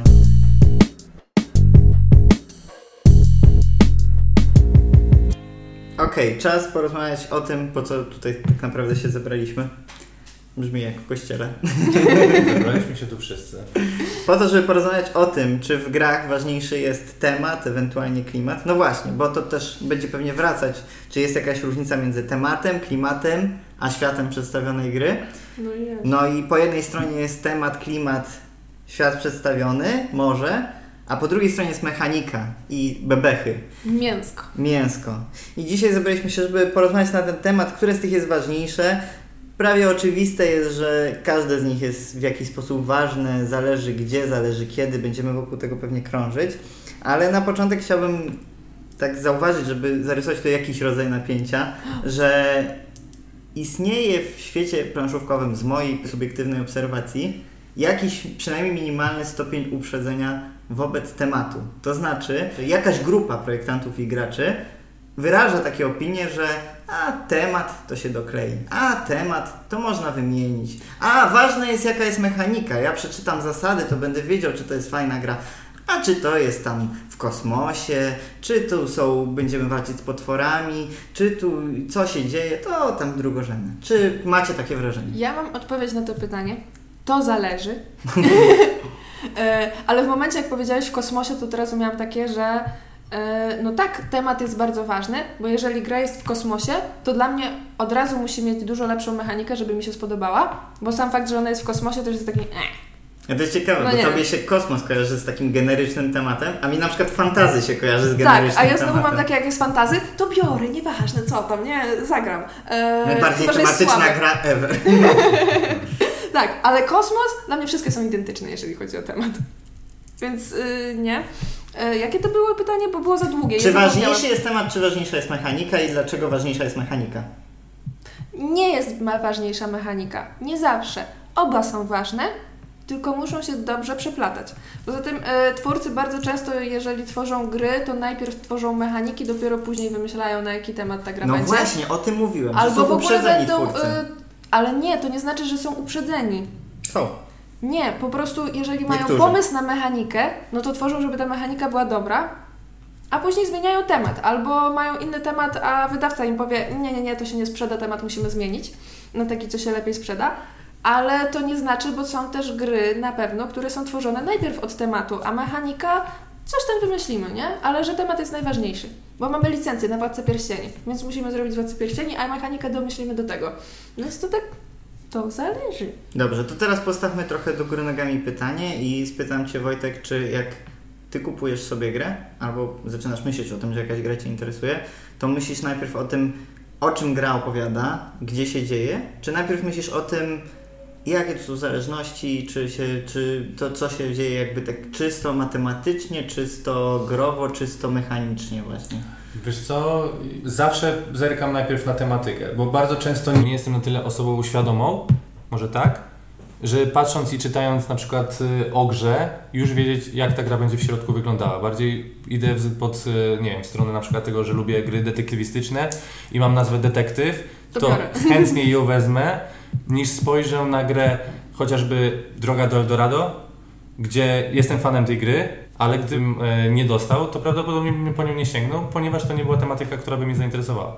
Więc, Tak? Przygodowa taka? Myślałem, że to... Ale właśnie to jest to, że, że No ale ja nie do końca potrzebuję przygód w grach. Ja lubię przygody, Mm. lubię obejrzeć film przygodowy, lubię sam przeżyć przygodę, ale na przykład sam z siebie w grach tego nie szukam. A już bardziej detektyw, gdzie tam sobie z tyłu głowy myślę, że będę musiał coś rozwiązywać, do czegoś dojść, to mnie bardziej zachęci. Ale to jest taka bardzo tematyczna gra detektyw w sumie. Tak, ale ja mówię tutaj, nie mówię o, o stricte o grze, tylko bardziej o tytule, że jakby tytuł od razu mnie przekonuje, mimo że nadal nie wiem, co będzie się działo w grze, bo nie miałem pojęcia, jak na przykład do, dostałem też e, detektywa, też nie miałem pojęcia, co się będzie działo w środku, ale jak ją dostałem, zobaczyłem tytuł, e, rysunki, to mówię, o, będzie fajna gra. Mhm. I to od razu, i na No przykład tak. ja mam takie nastawienie, że dla mnie ważniejszy jest ten, em, ten na pierwszy rzut oka, może tak, na pierwszy rzut oka ważniejsza jest dla mnie tematyka, e, cała ta obwódka dookoła gry, a dopiero później mechanika, ale jak już znam grę, to właśnie mi się to zamienia, że bardzo Mhm. często, że nagle temat schodzi zupełnie na drugą, drugi plan e, i, i mnie kręci bardziej mechanika. Mhm. No i trochę sobie możemy tak wtedy wmawiać, że nie, nie, nie, dla mnie jest ważniejsza mechanika niż y, temat, y, ale tak naprawdę nie zainteresuję się grą, jeżeli y, grafika mnie nie przekona. Zainteresuję się nią, jeżeli ktoś mi ją pokaże i powie, słuchaj, to jest dobra gra, albo gdzieś usłyszę, że ta gra jest dobra, ale przy ilości gier, które wychodzą, jak ja bym miała sama z siebie się każdą zainteresować, no to prawdopodobnie o tych w kosmosie to bym w ogóle ich nie ruszyła, nie? No bo nie, dopóki No ktoś mi nie czyli- powie, że to jest dobra gra, to, to, to nie ruszę. Czyli jasno ustaliliśmy. Wojtek kupuje wszystkie gry detektywistyczne, Madzia kupuje wszystkie gry fantazy, a ja kupuję wszystkie gry, które dzieją się w kosmosie. Nieważne, co jest w środku pudełka. Może trochę od innej strony jeszcze podejdźmy do tematu. Na razie tak bardzo ogólnie tutaj krążymy, bo wiadomo, że każda gra ma jakiegoś rodzaju temat, do tego jeszcze wrócimy, czy Mhm. każda, ale powiedzmy, że każda ma mniej lub bardziej jakiegoś rodzaju temat, albo przynajmniej klimat. I każda gra ma jakąś mechanikę. Ale Wojtek zauważył, że inaczej traktuje gry planszowe, a inaczej traktuje książki i filmy. I od tych drugich oczekuje, że będzie opowiedziana jakaś historia, że coś mu zostanie opowiedziane Mhm. albo pokazany jakiś świat. No i teraz chciałem spytać, czy i jak często Wam się zdarza, podejrzewam, że już po Wojtka odpowiedzi wiemy, że jemu dość rzadko, jakby właśnie szukać tego w grze, to znaczy szukać tego, żeby gra opowiedziała mi historię albo dała mi świat do zabawy, a mechanika to ma tylko służyć temu. Tylko ma sprawić, że ja poczuję się w tym świecie. No, ja lubię takie gry, które przenoszą mnie do przygody i że ja przeżywam przygodę. I ja rzeczywiście przygód czasem szukam w grach planszowych. W przygodówkach, bo one mają przygody. Mhm, mhm. Znaczy, no, ja mam tak, no już trochę jak wcześniej zdradziłem, że dam na przykład y, kontrowersyjną grę Hitler, tak? Secret Hitler. Secret. Poprawny, Secret Hitler. Secret Hitler. Na razie nie ma gry Hitler. Chyba, że Wojtek w trakcie to, projektowania wy, wy, że jak gram w tą grę, to dla mnie to by mogło być y, o każdej innej epoce y, między innymi ludźmi się roz, rozgrywać i nadal bym lubił tą grę. I ten dodatek y, nazwy i, i tych postaci, które się tam pojawiają, na przykład na mnie mega wielkiego wrażenia nie robią, oprócz tego, że rzeczywiście przez nazwy jest bardzo kontrowersyjna i można się poczuć y, kontrowersyjnie grając w tą grę i krzycząc, y, co tam się krzyczy, typu ty jesteś Hitlerem, tak? Albo coś w tym stylu. Więc y, no, dla mnie ta mechanika jest o tyle ważniejsza w tej sytuacji, że i to, to co Madzia na przykład powiedziała, że ona potrzebuje czasem i fajnie lubi się wkręcić w grę, w daną tematykę, to dla mnie jak się wkręcę w grę niestety trochę zanika I Tematyka. Tematyka, tak, tematyka zanika i rymujemy. Mm, I tak jak mówię, na przykład ten Secret Hitler, że jakby się nazywał Secret Putin albo jeszcze coś innego, to dla mnie by na przykład zupełnie to nie, nie, nie, nie, nie robiło jakiegoś wi- większego lub mniejszego wrażenia. Mhm, mhm. No to pójdźmy trochę w to dalej i w sumie właśnie to jest trochę pytanie, czy gra może tworzyć klimat poza grą? To znaczy, rozumiem, że ty właśnie chcesz powiedzieć coś takiego, że dla ciebie ważniejszy jest ten klimat nad stołem, to znaczy klimat zabawy, klimat... Bo na przykład właśnie to jest trochę, wracamy teraz do tematu, czy gra abstrakcyjna, czyli taka, która jakby z deklaracji trochę, tak w sumie mamy poczucie, że wszystko jedno, czym ona jest, może mieć klimat, i właśnie myślę na przykład o takich fasolkach, które wiem, że lubisz, że one mają klimat, tylko może niekoniecznie wewnątrz gry, nie? Mhm. Znaczy, no, w- gra, fasolki. No tak naprawdę to jest kolejna gra, którą możesz podstawić e, w co innego i nadal będzie się fajnie grało. No tak, ale czy jest klimat Ale- jakby nad stołem? Czy można nazwać to klimatem? W sensie mówisz w takim klimacie bardziej typowo towarzyskim, czy, No, czy no ludzie się tak, też wkręcają, rodzaj, czy... tworzy rodzaj sytuacji jakiejś, nie? No na pewno tworzy, ale to też wydaje mi się, że tworzy klimat poprzez mechanikę gry, czyli tak naprawdę w fasolkach y, jest to klimat negocjacji, wiecznych rozmów, negocjacji, próby sprzeda- sprzedania, kupienia przysłowiowo tych fasolek, tak? Więc to jest pytanie nadal, czy ten klimat nie został stworzony przez mechanikę danej gry i czy jakby fasolkami były kurczaki, czy to nadal byśmy byli w tym samym klimacie, a gra niby była zupełnie inna, bo sprzedajesz żywe zwierzę. Albo właśnie nie byłaby, bo Albo- tak naprawdę nie patrzysz albo- na te grafiki wtedy. albo- tak, mi się wydaje, że to byłaby y- totalnie ta sama gra w przypadku fasolek, jakby to były zamiast Że, fasolek że tak naprawdę nie patrzysz na te grafiki. To jest jakby No nie. trzeciorzędna kwestia w ogóle. Tym bardziej, że te fasolki to, to są tak naprawdę bokserzy, jacyś kowboje. Gola, golasy, nie wiadomo kto, w, E, w piromanii, Dokładnie, tak? tak. No, no to, ta- nie wyobrażasz sobie tak fasolek. No ale i, i teraz y, tutaj możemy wskoczyć właśnie w taką tą kontrowersyjność, bo zróbmy tą samą grę, fasolki, ale zróbmy, że jesteśmy handlarzami na przykład ludzi i gramy, Mhm. że sprzedajemy, kupujemy ludzi. I teraz jak ta gra byłaby odebrana, czy ludzie by tak samo kupowali, czy by nie kupowali i jakby się w nią grało, mając świadomość, że właśnie sprzedajesz albo kupujesz człowieka. Mhm. Tutaj trochę No to- zahaczamy o temat moralności. Kiedyś rozmawialiśmy w podcaście o tym, podlinkujemy na pewno. Ale też chodzi właśnie, że może nie do końca to jest bez znaczenia. Bo też i druga rzecz, że tak naprawdę oprawa, bo mówiliśmy o grafice, a siłą rzeczy grafika chyba łączy się z klimatem i chyba tym bardziej się łączy, im bardziej abstrakcyjną grę mamy, nie? W sensie, że mechanika oczywiście tworzy coś nad stołem, ale druga rzecz to jest obcowanie z elementami gry, że może czym bardziej abstrakcyjna gra, tym bardziej zaczyna mieć to znaczenie I potencjalne. może to jest ta świetność gry, która taką osobę jak ja przekona, że to właśnie cała opowieść wokół gry jest ważna. Tak? Że to nie jest jedna z kolejnych gier, że wchodzisz, grasz i zapominasz, co było w środku, jaka była opowieść, jaka była historia, jaka była przygoda. Tylko, że właśnie gra, która, tak jak mówisz, może przez to swoją czasem kontrowersyjność albo super dobro, dobór elementów, grafik y, wpływa na tą jednak twoją świadomość, że nie tylko mechanika się liczy, ale i też y, wszystko wokół niej. Pytanie, czy tam jest historia. Bo mam teraz w głowie dwie gry, na przykład, o których dzisiaj rozmawialiśmy. Flick em Up i Mercado de Lisboa. Mercado de Lisboa mam wrażenie, że ewidentnie jest grą, gdzie po prostu ten obrazek służy tylko temu, żeby przyjemniej się patrzyło na to. Tak, no, że to mogłyby być, to mogłaby być łamigłówka po prostu jakaś zrobiona, a e, nie musiał być zrobiony z tego tak. Mogliśmy kolei- dostać kolorowe żetony po prostu, masz czerwone, Mhm. zielone i, i tak dalej. A z kolei Flick em Up jest grą, która też jest w dużej mierze abstrakcyjna, to znaczy nie wciąga nas tak jakby bardzo głęboko w ten świat, bo jesteśmy Mhm. tu na zewnątrz, pstrykamy sobie nad stołem, bawimy się, ale jednak mimo wszystko każdy komponent tej gry jest obliczony na to, żeby nas y, przenieść w dziki zachód, przynajmniej Tak, trochę. że opowiada historię i rzeczywiście zaczynasz sobie wyobrażać te sytuacje. Zgadzam się, ale czy ta gra byłaby lepsza czy gorsza, jeżeli to na przykład byłoby policjanci i złodzieje? No istnieje wersja y, zombie i jest mniej popularna chyba. Jest mniej popularna. Tak No wydaje. dobra, ale właśnie chodzi o to, że nadal tutaj moim zdaniem, i będę się wam, z Wami chyba widzę trochę dzisiaj kłócił, e, moim zdaniem nadal jeżeli ta gra byłaby nie o kowbojach, tylko o policjantach, mechanika by się nie zmieniła i nadal by to była bardzo fajna gra. E, Tylko, No że tak. gdyby to było o policjantach i złodziejach, to w sumie byłoby to samo, bo szeryfi To kontra są gang policjanci. to No są tak, policjanci i złodzieje. Zgadzam się z tobą, tylko że tutaj wchodzimy właśnie niby w ten klimat westernu, e, staramy się jakoś wejść w tą epokę. A i pytanie, czy właśnie osoba nastawiona trochę na gry tak jak ja, czy w ogóle jej zależy na tym, żeby to wejść w tą y, jakiś western, czy wszystko mu jedno, czy to będą policjanci, czy to będą kowboje, czy to będą pielęgniarki biegające za y, na przykład chorymi psychicznie i strzelając do niego tymi strzykawkami z albo pigułkami do zjedzenia. No.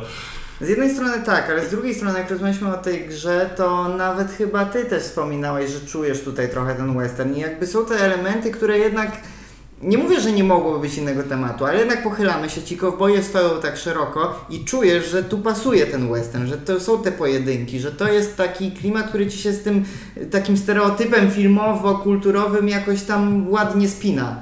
I nawet jeśli to nie jest gra bardzo tematyczna, to jednak temat bardzo jeszcze podkreśla tą mechanikę i pasuje wszystko do siebie bardzo. Jest to na pewno temat podkreśla zawsze grę jakąś, tak? No, nie, nie, nie będziemy z chęcią grali w grę biało-czarną o czymś i niczym.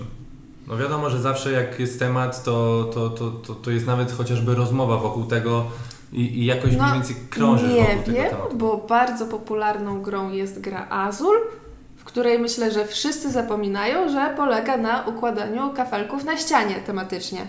Ale w praktyce każdy zapomina. Mamy kolorowe, mamy czerwone, czarne, niebieskie kafelki i muszę je ułożyć na planszetce tak, żeby dostać za nie jak najwięcej punktów. I to jest gra logiczna, taka łamigłówka, którą sobie rozwiązujemy yy, i ona jest mega popularna. Ludzie ją kochają. Myślę, że między innymi za to, że ma ładnie wykonane elementy, ale tematyka jest jakby totalnie z boku i nikt nie wyobraża sobie chyba siebie jako robotnika, który tam te kafelki przykleja do tej I to jest ściany. ciekawe, bo to jest przykład jednocześnie na obie rzeczy, czyli na to, że temat może w ogóle rozjechać się z mechaniką i być totalnie wtórny, ale z drugiej strony, że właśnie jednak te kafelki, wszyscy czujemy na pewno ja i Madzia, że te kafelki trochę sprzedają tą grę. To znaczy, Tak, że jest trochę coś takiego. to, że one są takie ładne, takie Mhm. przyjemne w dotyku, takie twarde i kamyczkowe, fajne, to, to, to jest duża, wykonane, duża tak. przyjemność. Jakby to były żetoniki, to, to myślę, że nie zagrałbym w ogóle w E, takie też mam wrażenie, nie wiem czy kojarzycie tę grę, ale jest King Domino i Wyspa Kwitnącej Wiśni. I o King Domino może słyszeliście. O Wyspie Kwitnącej Wiśni podejrzewam, że większość nie słyszała naszych słuchaczy, bo e, King Domino jest w takim dużym, ładnym pudełku. Ma grube, fajne kafelki, które układamy. Wyspa Kwitnącej Wiśni jest trochę takim King Domino dla graczy, bym powiedziała, bo mechanicznie są podobne, tam już nie wchodźmy w szczegóły, ale zamiast tych ładnych kafelków mamy karty, które musimy po prostu układać. I ona graficznie nie jest jakoś piękna, jest w takim małym pudełeczku. I jak Wyspa Kwitnącej Wiśni została taką grą troszeczkę zapomnianą, trochę szkoda, bo moim zdaniem to jest bardzo dobra gra. Natomiast King Domino jest bardziej popularne dzięki temu, że jest ładnie wykonane, myślę, między innymi. Na No, że- pewno, że no to jest wykonanie- duża część tego na pewno. Ale jeszcze chciałbym też w sumie trochę od drugiej strony teraz przewrócić to i pozwolę sobie na odrobinkę, obiecuję odrobinkę pretensjonalności. Przypomnę tutaj Freuda. On twierdził, że w ogóle przeżywanie scenariuszy, czyli te filmy, te książki, te gry komputerowe, to wszystko, gdzie wchodzimy w jakiegoś awatara, bo w filmie też utożsamiamy się z bohaterem jakimś, czy podpada pod pewien rodzaj fantazjowania. On tu mówił o pisarzach i o książkach. I to fantazjowanie jest realizacją tego, czego nie możemy mieć w rzeczywistości, niespełnionych fantazji, tak? I teraz można się z tym zgadzać lub nie, ale ty mówisz, że dla ciebie książki i filmy pod to podpadają i pewnie gry wideo też byś powiedział, że pod to podpadają, tak? A z jakiegoś powodu planszówki nie. I może po prostu miałeś takie doświadczenia, nie oceniam, tak? W sensie, okej, to jest okej, po prostu grałeś w takie gry, gdzie nie czułeś tego. Ale z drugiej strony chyba dużo ludzi właśnie traktuje gry tak samo. To znaczy, że chce przeżyć przygodę, której w rzeczywistości nie przeżyje, tak?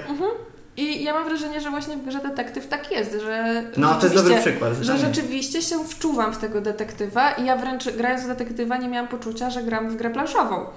Czy, Tylko czy zauważyłeś w ogóle, jakie tam są mechaniki? W sensie te mechaniki to jest. One są ewidentnie takie, że w ogóle zapominasz, No o to jest że jakaś inna mechanika. gra, bo tam jest dużo No oparte tak naprawdę na his- historyjkach, Tak, tak, no. cały czas do, dopasowujesz to, co usłyszysz, to, co przeczytasz, czyli poniekąd ta gra bardzo zbliża Cię do czytania książki. Więc może to przez to, że rzeczywiście no tam nie ma tej mechaniki takiej stricte liczenia punktów, y, przesuwania pionków, jakichś takich rzeczy, tylko tam jednak jest bardziej umysłowa ta gra, że czytasz, słuchasz, myślisz, e, więc tutaj akurat wydaje mi się zgodzę, że detektywie rzeczywiście potrafi wciągnąć, ale też na przykład teraz sobie tak e, słuchałem Was i, i myślałem o swoich e, błędach życiowych. e, W złych wyborach. złych wyborach, złych, złych, złych wypowiedziach, bo nie, tak na, na poważnie tak sobie pomyślałem o grze Ryzyko na przykład. gdzie rzeczywiście tam możesz poczuć się jako strateg. Albo bo- Shogun. albo Shogun, że masz jednak tą dużą mapę tych małych ludków, których e, ustawiasz na planszy, żołnierzyków, armaty, czy w Shogunie akurat są to kwadraciki, to mniej wizualne, ale wtedy ja zaciągam sobie rzeczywiście do głowy te filmy wojenne i patrzę jak ci imperatorzy albo Generałowie. generałowie przesuwają po tych mapach na przykład swoje statki i pokazują tu zaatakuje tak, tu zaatakuje tak i wtedy rzeczywiście możesz się wkręcić, więc może rzeczywiście nie każda gra oparta tak naprawdę na historii nie ma sensu i mogłaby być podmieniona każdą inną. E, Rzeczywiście, kurczę, niektóre gry bardzo pasują, ale no to na przykład jak mówię, strategiczne albo Ale jeszcze, detektywistyczne. jeszcze Ci podrzucę jedną grę. Robinson Crusoe. I mam wrażenie, że to jest gra, jedna z wielu oczywiście, która właśnie też pod ten typ, o którym teraz chcę powiedzieć, pewnie podpadnie. To jest, że jest złożona dosyć mechanicznie, ale jednak grając masz poczucie, że mniej lub bardziej, ale wszystkie mechaniki są zrobione pod to, żeby opowiedzieć Ci historię. To znaczy, że nie ma tam mechanik, które były zrobione jako mechanika i potem, wy... oczywiście to jest subiektywne wrażenie, możesz być w błędzie, może projektant robił to na odwrót, tak? Ale nie, masz wrażenie, że jednak wszystko było zrobione po to, żeby Ci opowiedzieć coś o tym świecie i opowiedzieć Ci ten scenariusz. Tak samo, nie wiem, Martwa Zima, można lubić lub nie, ale Martwa Zima, dużo gier można mieć, Aftermath, e, no wszelkiego rodzaju jakieś dungeon crawlery, przygodówki.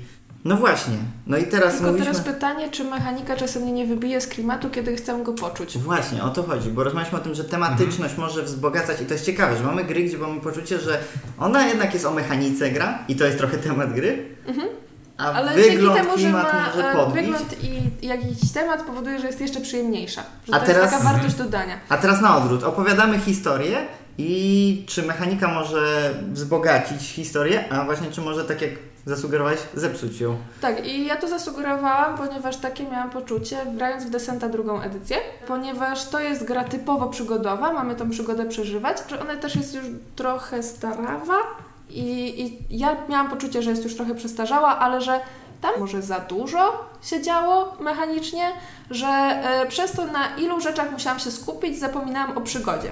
To dalej nie, jest jakoś super skomplikowana gra, ale bardzo często mieliśmy takie, okej, czy mi się bardziej opłaca pójść tędy, czy tędy, tu sobie wyliczamy i tak dalej. Nie jest to jakaś stricte, wiecie, matematyczna gra, gdzie wszystko możesz sobie policzyć, to dalej jest przygodówka, ale mimo wszystko tych różnych strategii było tyle, że zapominaliśmy o przygodzie.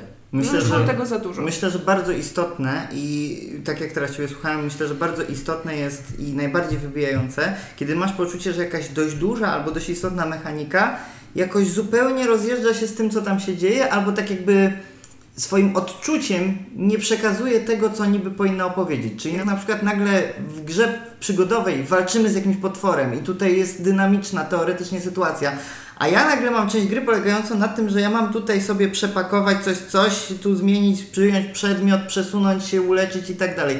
Jeśli to wszystko się zaczyna rozrastać i ja zaczynam na przykład muszę zacząć liczyć, czy mi się opłaca bardziej założyć ten przedmiot czy ten, to jak to wszystko się zaczyna być zbyt skomplikowane, to już zapominam o tym, że ja przecież walczę z jakimś potworem i ja zaczynam Dokładnie. prowadzić grę ekonomiczną w postaci Jakby- wyjmowania przedmiotów z plecaka. Dokładnie. Znaczy, nie chcę mieć też gry losowej, która ja rzucam kostką i patrzę, co się stanie, kiedy gra, gra za mnie. Jednak chcę grać w tą grę i mieć jakiś wpływ na to, co robię i podejmować jakieś decyzje, ale jeżeli y, te decyzje powodują, że ja muszę zrobić nagle zbyt długą pauzę, aby się nad tym zastanowić, to wybijają mnie z tego klimatu i z tej przygody. No właśnie, tak jak mówisz, czy, czy którą broń mi się bardziej opłaca użyć i tak dalej. To często jest takie intuicyjne dosyć i są momenty, kiedy to, którą broń mi się bardziej opłaca użyć w niektórych grach, działa świetnie, nie?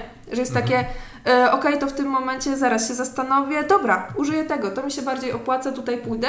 Na przykład w podróżach przez Śródziemie dla mnie to super działa, gdzie gra jest trochę taka, że idziemy za rączkę, ale jednak tam jakieś decyzje podejmuję. Często dosyć ważne decyzje to jest podejmowane między scenariuszami, bo tam gramy całą kampanię, więc mam ważne decyzje do podjęcia, jaką nową umiejętność sobie wykupię. Ale później już w trakcie samej rozgrywki ja jestem cały czas w tym klimacie i cały czas sobie gram i yy, dalej muszę podejmować te decyzje, których umiejętności użyć w danym momencie i czy ja lepiej pójdę tędy czy tędy, ale nie są te decyzje na tyle przytłaczające, żeby mnie wybić z tego klimatu. Mhm, mhm. Że ja dalej siedzę w tej przygodzie i ja nie zapominam o tym, że walczę właśnie z tymi y, orkami czy z jakimiś innymi potworami. Mhm. Tylko, że cały czas mam tą przygodę. I właśnie, właśnie jak to mówisz, to mam wrażenie, że dlatego ten zdarzający się stereotyp, że czy to projektanci, czy nawet niektórzy gracze właśnie mówią, że mechanika jest jednak na pierwszym miejscu, że to jest ważne, że to może powodować, że projektanci zbagatelizują temat i nie zastanawiają się nad tym, o czym oni w ogóle chcą nam powiedzieć. W sensie, po co oni nas zbierają przy stole, tak? Jeśli oni chcą nam opowiedzieć jakąś historię, pokazać jakiś świat, to jeśli jakaś mechanika nas wyjmuje z tego świata, to właśnie wydaje mi się, że wtedy jest to, o czym ty mówisz. Czyli, że przestaje ci ten świat w ogóle interesować. Nie mhm. wiem, że grasz w Mercado de Lisboa, ale ty nie jesteś na żadnym markecie w Lizbonie, tylko grasz po prostu w grę. I to też jest ok, tylko że to jest zupełnie inny rodzaj doświadczenia, nie? Mhm. Znaczy myślę, że ogólnie wkręcanie się w grę, no to jest bardzo zależne od człowieka, wiadomo, tak? Ale tematyka myślę, że bardzo często może właśnie za bardzo odrzucać albo za bardzo przyciągać danego gracza, żeby w nią zagrać. Jeżeli sobie myślę chociażby o grze Food Chain Magnet, która jest y, o budowaniu sieci fast foodowej i y, dla osoby, która się nie interesuje y, na przykład jedzeniem, może biznesem to być bi też, może no. biznesem, ale na przykład wydaje mi się, że taka gra, gdyby była bardziej otwarta na, na inne tematyki, to można by było tak właśnie pokierować w stronę danego gracza. Typu na przykład jeżeli ktoś się interesuje sportem, to zrobić y, odnośnie budowania na przykład zespołu piłkarskiego tą grę.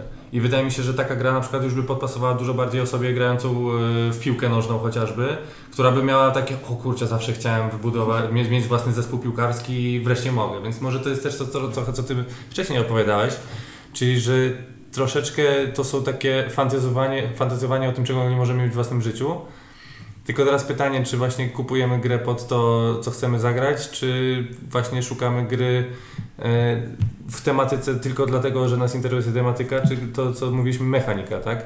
I ja tutaj wracam znowu do tego, że jednak niektóre gry mechanicznie są świetne, i ten, ta tematyka w ogóle nie ma sensu, bo na przykład jeżeli by podchodzić tylko pod tematykę, to ja wielu gier bym nie kupił, bo mnie w ogóle ta tematyka nie interesuje, tak? Czy ona ta, nawet tak, właśnie, bo rozmawialiśmy o tym, jak mechanika może przeszkadzać, ale właśnie tematyka też może przeszkadzać. Tak, to tak, znaczy, tak, jeśli masz grę abstrakcyjną, bo chyba nawet już o tym rozmawialiśmy, że może tworzyć gra abstrakcyjna jednak jakiś rodzaj klimatu. To nie jest mhm. taki temat, w sensie, że jesteśmy w jakimś świecie, gdzieś tam w kosmosie, czy w westernie, czy gdzieś, albo że przeżywamy przygodę bohaterem, ale tworzy na zasadzie, że my tu handlujemy sobie, my tu negocjujemy, że my w rzeczywistości prowadzimy po prostu grę, to co się wielu mhm. ludziom z grą kojarzy, czyli że po prostu gramy. No i wtedy właśnie takie może szachy, takie coś, co nie ma żadnego tematu, chociaż szachy niby mają temat, ale ale że nie, nie, nie czuć w ogóle, że widzimy od razu, że to jest jakiś mhm. abstrakt, to może właśnie to jest też ten kierunek, nie? Tak, ale może się zdarzyć, że gra odrzuci cię tematyką,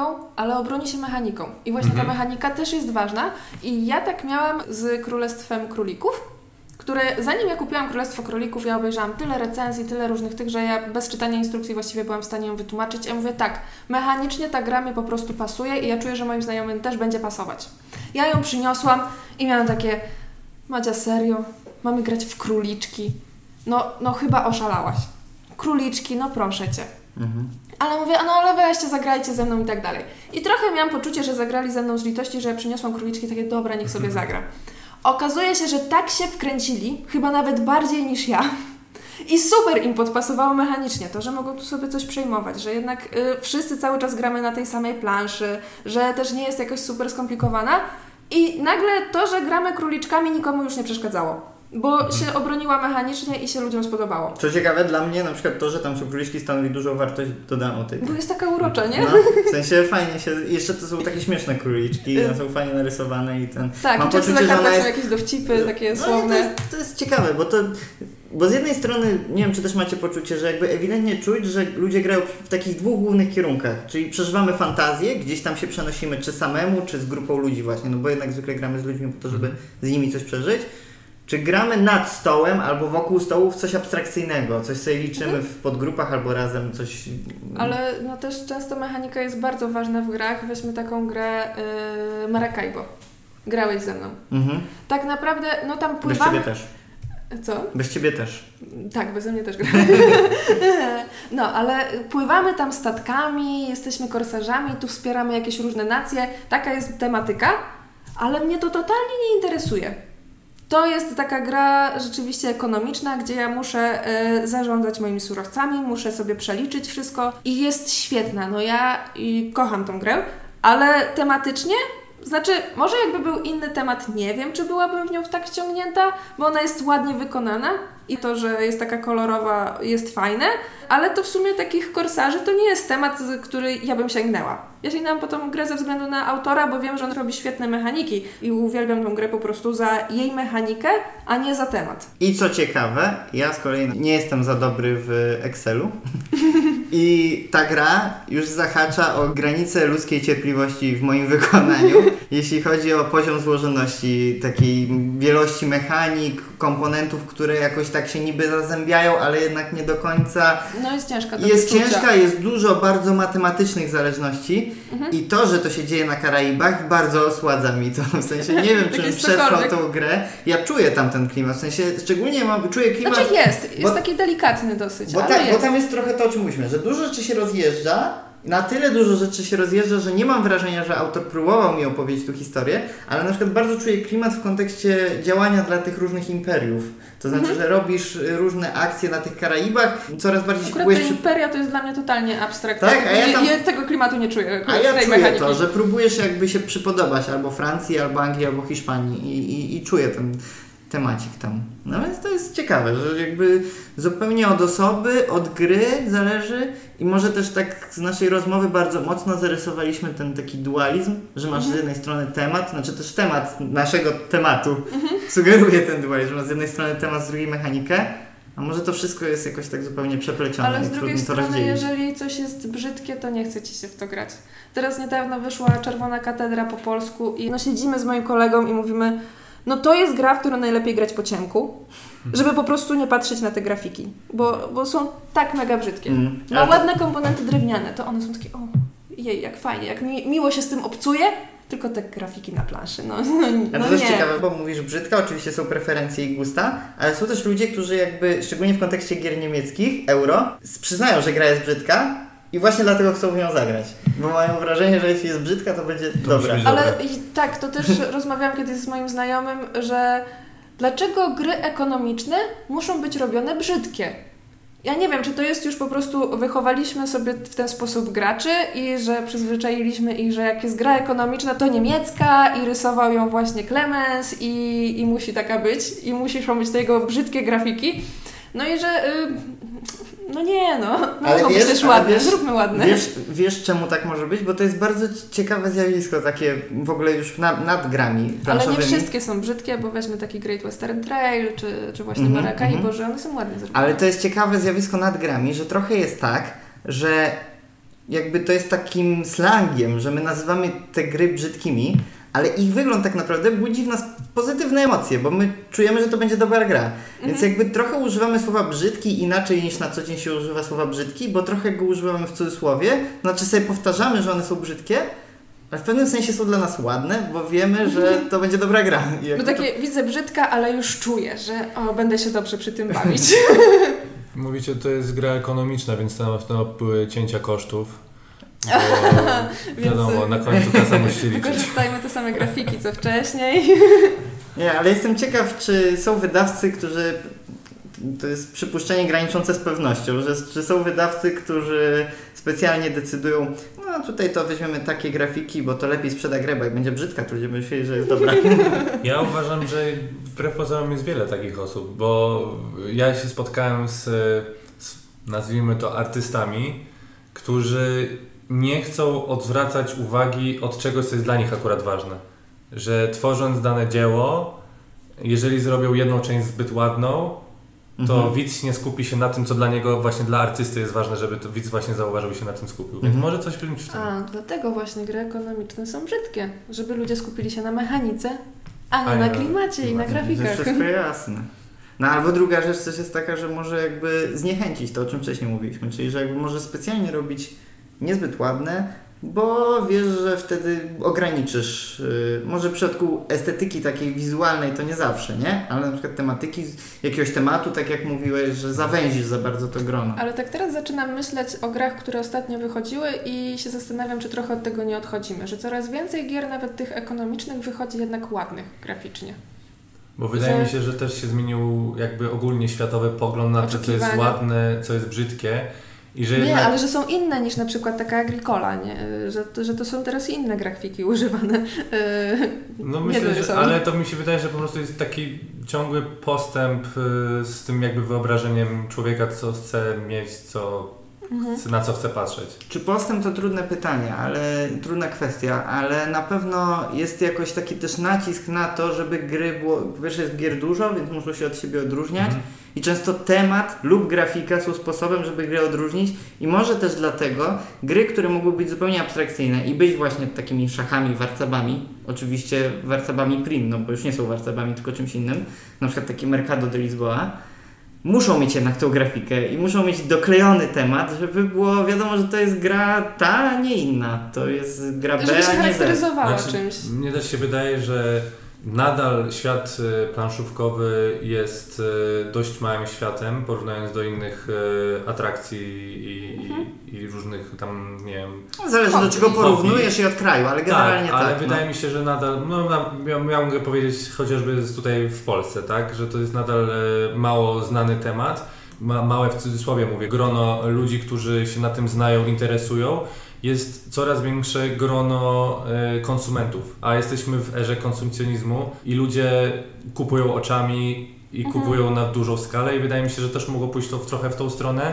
żeby łapać tych takich klientów, tych Osoby, graczy. które nie wiedzą. Tak, osoby, Bo jak ktoś się wiedzą. interesuje tematem, to nieważne jak gra wygląda, się zainteresuje tym, że coś I, co, I wychodzi. coraz Tak. bardziej złożone gry są ładnie oprawiane, bo wydawcy może, przypuszczam, liczą, że no nieważne, że mu się nie spodoba, ale kupi. To jest Wiesz, najważniejsze. no, tak, Przejdzie obok półki i kupi. To są, wiesz, to są klienci, którzy kupują grę w prezencie. No przecież nie kupię prezentu, który brzydko wygląda.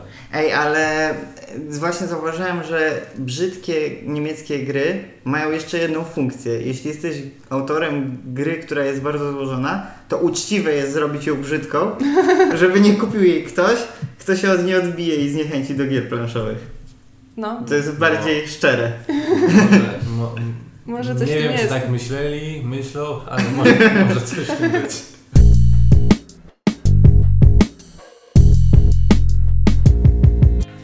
Moglibyśmy jeszcze długo gadać, ale kto mógłby nas tyle słuchać, więc już się z Wami żegnamy. Wojtek, Żegnam Was, dajcie suba. Kamiś Cześć! i ja, papa, do następnego. Do usłyszenia. Naprawdę Hej. dajcie suba.